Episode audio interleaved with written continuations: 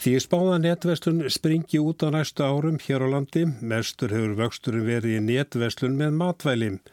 Það eru 60 ár frá því að hagkaup var stopnað í húsi sem var áður fjós við Miklatorgi Reykjavík, uppalega var áherslan lögð á postverslun sem höfðaði fyrst og fremst til viðskiptavinn á landsbyðinni.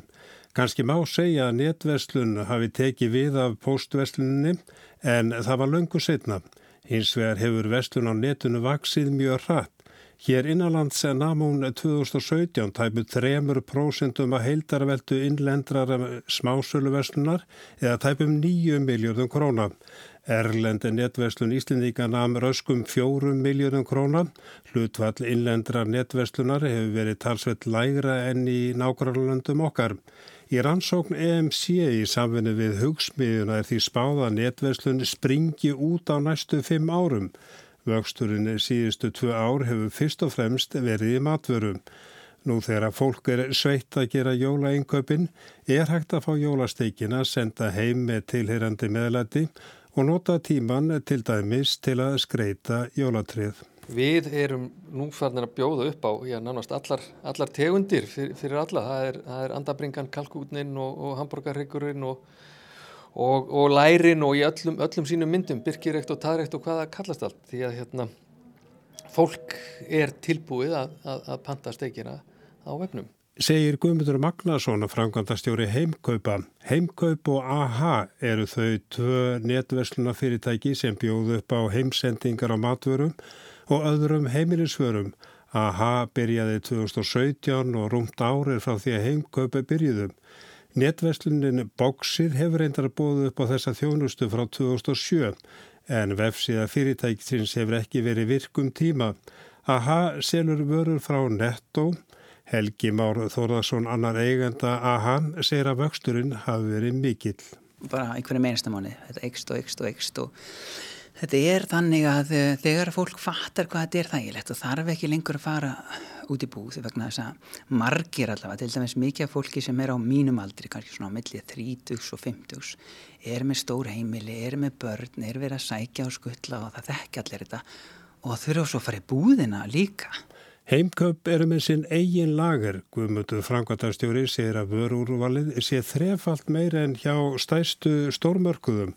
Vörunúmerinn séu nú yfir 50.000. Það helgist meðal annars að því að heimkaupi sé ekki með dýrti hillupláss og fleira. Vöxturinn hefur líka verið hraður hjá heimkaupum.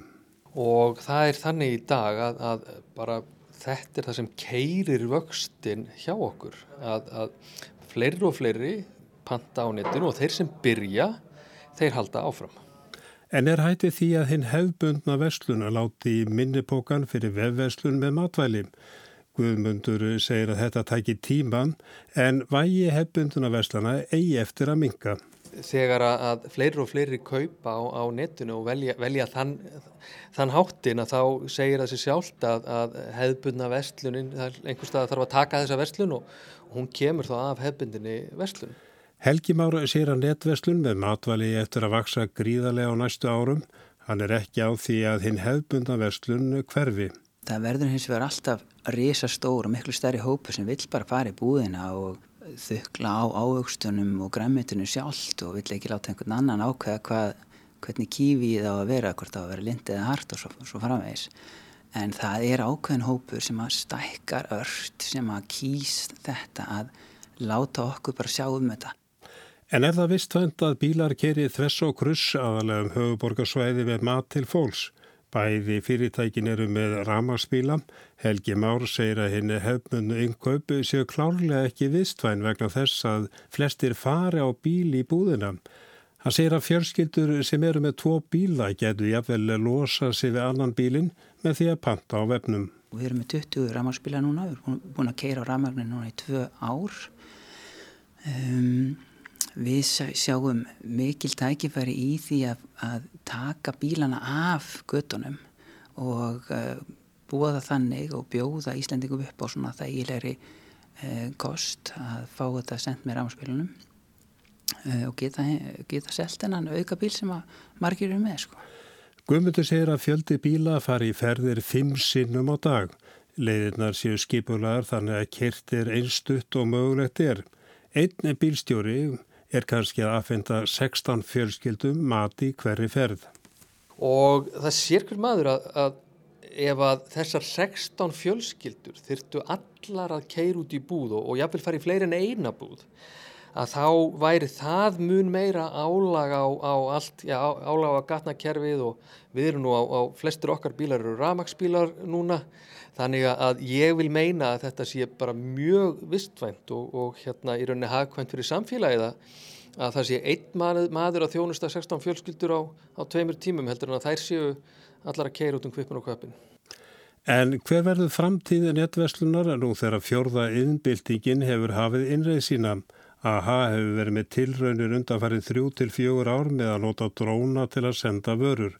Helgi Máru segir að nýjustu drónarnir farum 100 kilometra og taki 2 til 3 kíló. Við fyrum að fara með maturina í drónanum eftir nokkur ár. Veitingarnir eru farinir að fara með. Um, bröðuristar, tekalla, gjafavörur er, er, hægt að senda með drónum. Þetta sparar ofbóðslega mikið. Um, þetta flýtir ofbóðslega fyrir líka. Um, það er mikill áhuga á þessu.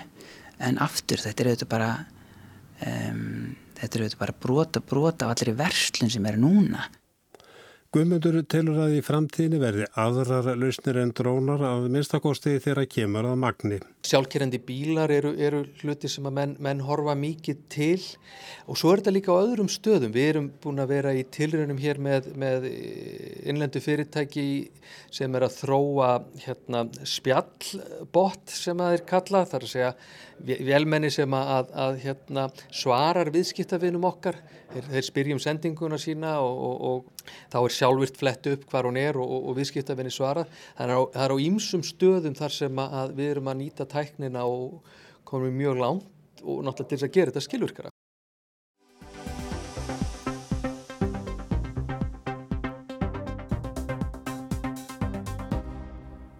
Rétt fyrir jólinn 1969, fyrir 50 árum, var Árnagarður á Lóð Háskóla Íslands formlega tekinni nótkunn. Húsið hafi verið tæp þrjú ári byggingu en á stista degi ársins, 21. desember 1969, var eigendum afhengt húsið og eigendurnir voru Handritastofnun Íslands og Háskóli Íslands.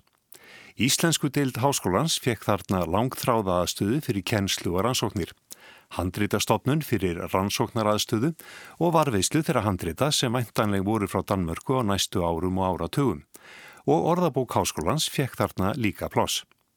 Starfsemin í Árdangarði hefur fyrir laungu sprengt utan af sér húsnæðið og hús íslenskra fræða er lokstekið að rýsa skamt frá.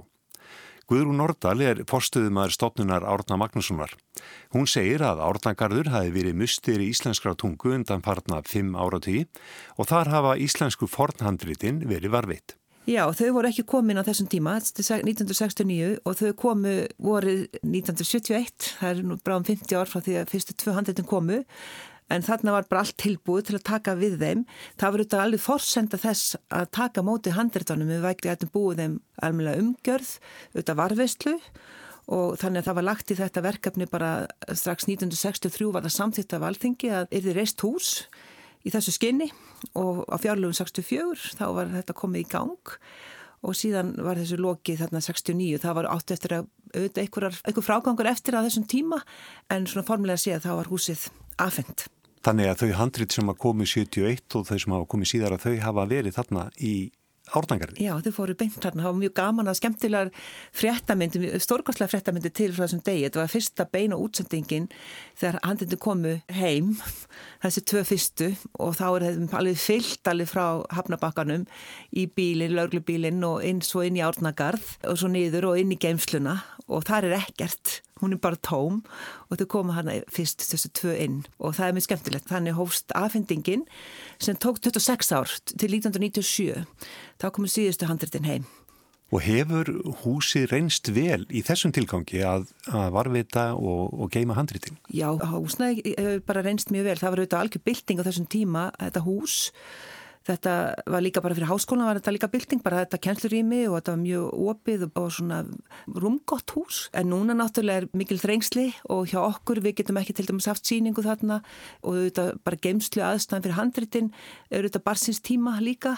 Þó að hún sé örug þá viljum við gera þetta öryðs í dag og þannig að það eru þetta var löngu tíma bara að breyta því og í raun og veru var tala um það í upphafi að jafnvel er þetta bráðaberða húsnaði fyrir stopnunina og það er búið að vera náttúrulega undirbúningi núna aldrei lengi að reysa hús fyrir stopnunina sem er núna ekki auðvitað ekki bara handrættastofnun heldur mikið orðabókar og málræktastarf og alþjóðarstarf að það saminuðust þarna fimm stopnunir fyrir 2006 þannig að auðvitað stopnunin orðinu allt önnur en hún var þá en tækifærn er svo mikil á þessu sviði þannig að þetta verður mikil breytingu þetta fara í þetta nýja hús og það var auðvitað mjög gaman ymmit á þessu ári, ammælis ári árnagars að við værum að hefja byggingu þessa nýja hús fyrir stopnunina og líka háskóladeildina í íslensku, tungu og bókmöndum og líka íslensku sem öðru máli.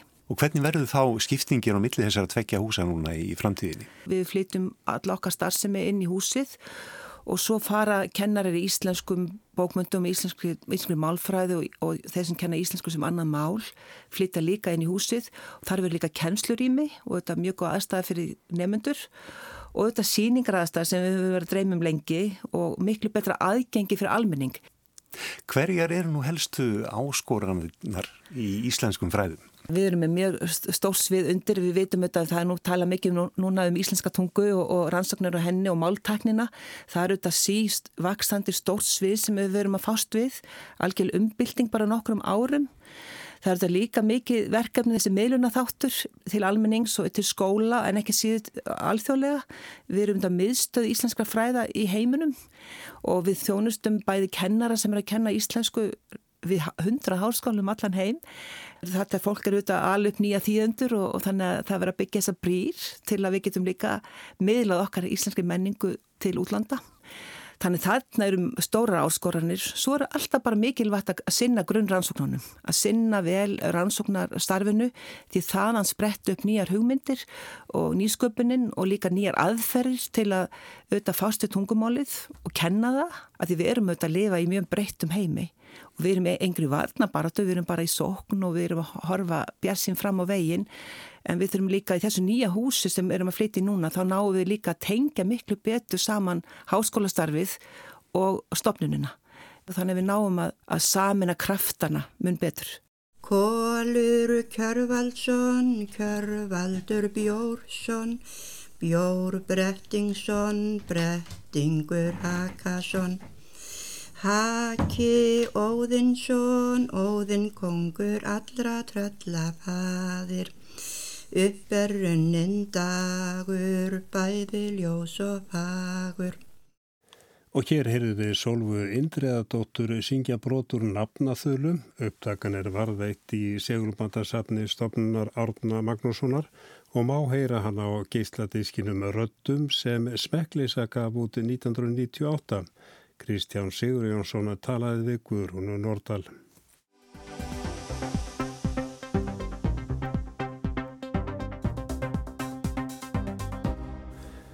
16 börn með Gretu Thunberg í farabróti fara fram á það við forsætistar á þeirra bæði Norregs og Kanada að þessi lönd hætta að leitað ólju og drægi markvist úr óljuvinnslum.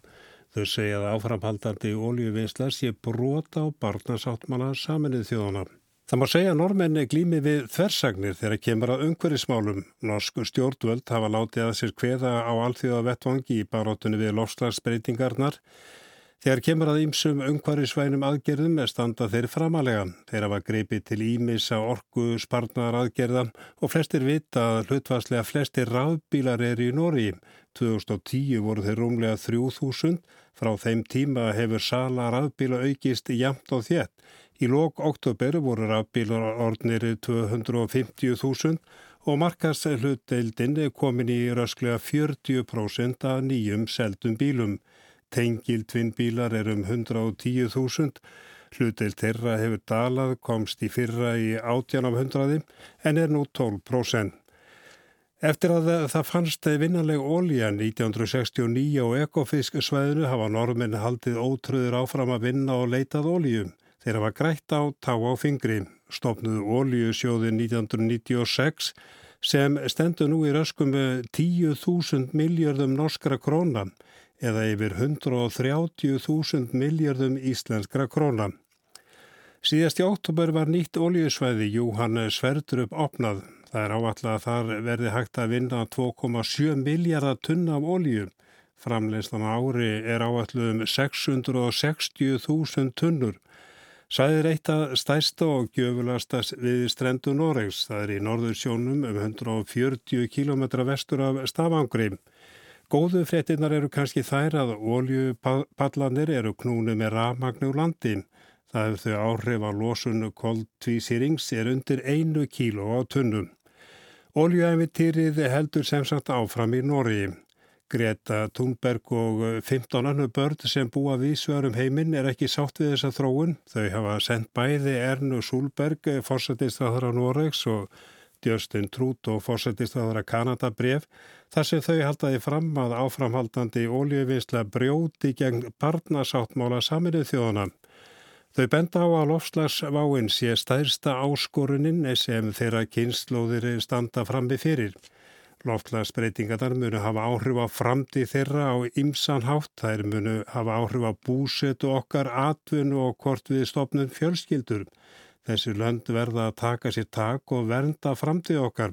Þetta segir henni 14 ára Alessandria Villa Senior í vitali við Norska ríkisútvarpið. Hún hellaðist að Greti Thunbergi fyrra og hefur staðið fyrir mótmælum eða verkvöllum fyrir utan byggingu saminuð þjóðuna í New York. Skilabóðbarnana sem sendu brefið eru þau með því að halda áfram oljuvinnslu, aukist loftslags áhrifin og seti framtíð barna í hættum.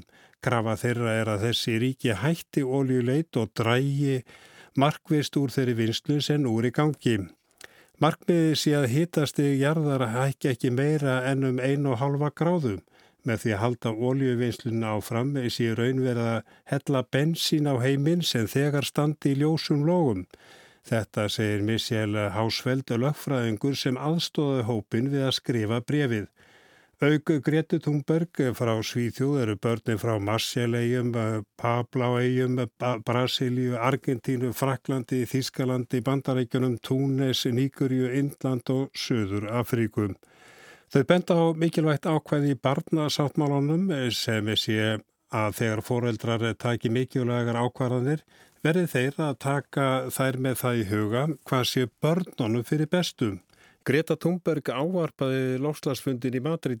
Hún ítir ekki að það væri naumur tími til stefnu. Korki þjóðaleit og örni fyrirtæki væri að leggja nægilega mikið af mörgum. Með mætti fólksins væri hægt að stuðlað breytingum og draga úr losun. Það veri N1. We do not have to wait. We can start the change right now. We, the people. Í nýri skýslu saminnið þjóðan ekki með fram að þegar eru áformum að vinna 120% meira af jarðefna elsneiti en jörðin þóli til að standa við markmiðum hlínununa að hún verði ekki yfir 1,5 gráðum. Úla Elvistuen, umhverjisáþur á Noregs, segir að bregð barnana til fórsættisaráþurana undistriki alvöru málsins. Hann segir að heimur verða að draga úr losun. Hagkerfi verða búa sundur að minna verði framnett á ólju og gasi. Hann segir að norsk stjórnvöld hafi þegar ákveð að reyfi ekki við óljuauðlindum við Lófóten, Vesturólin og Senja. Fljótlega verði ákveðið hvaða mörg verði sett um óljuleit í Barentshafi.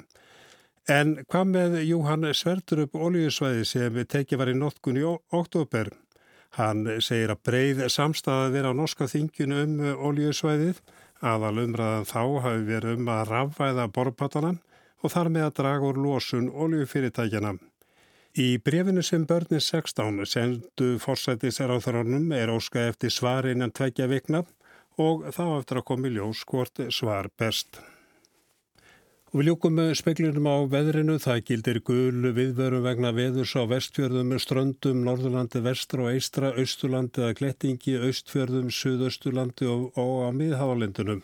Og viðspáðun hljóðar þannig norðaustan 10 til 18 metrar á sekunda en 15 til 20 norðvestan til og einni á suðausturlandi í kvöld snjó koma á norðan og austanland sem slittaði sjóin. Bjart með köplum með sunnanheiða, gengur í norðaustan kvassveri eða storm norðan og austan til á morgun og bætir í ofankomum en heldur að hægari og bjartu suðvestanland. Hversir frekar um landið sunnan, suðaustanvert annarkvöld og hitti nálat frosmarken upp í áttastíg með suðuströndunum. Það er ekki meira yfir speiklunum, tæknamæri kvöld og Ragnar Gunnarsson, verið sæl.